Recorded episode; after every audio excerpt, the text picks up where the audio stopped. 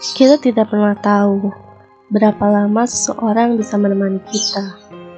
Kamu pun pasti pernah mengalaminya, bukan?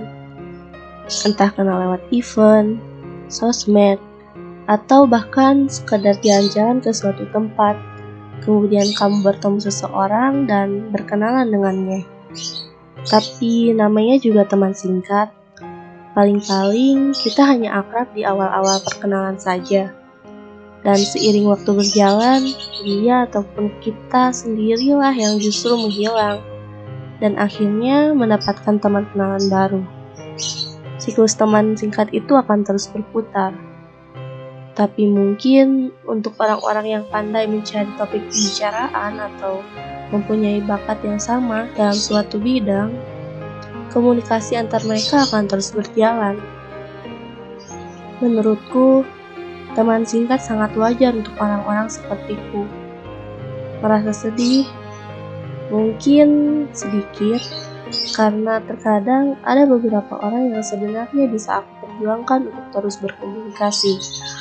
Tapi apa dayaku, komunikasi itu tidak berlanjut karena aku tidak berani untuk memulai berbicara atau memang karena keadaannya yang tidak mendukung.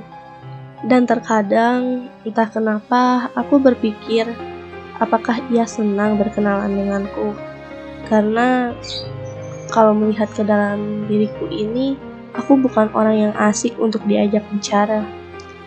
Aku lebih banyak mendengar daripada berbicara.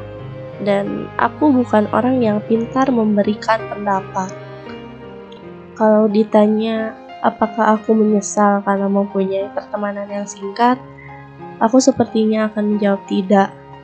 Karena kita tidak bisa memaksakan seseorang untuk terus berada di samping kita, bukan? Untuk akhir podcast ini, aku ingin membacakan suatu kutipan. Hidup ini terus berjalan.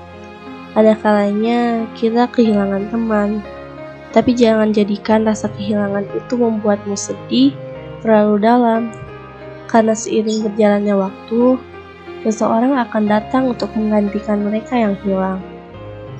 Terima kasih untuk hari ini, dan aku ucapin maaf soalnya ada suara burung di dalam podcastnya, dan aku juga nggak bisa ngeditnya gimana.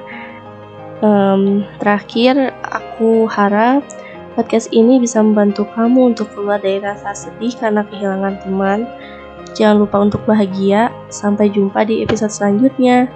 Dah.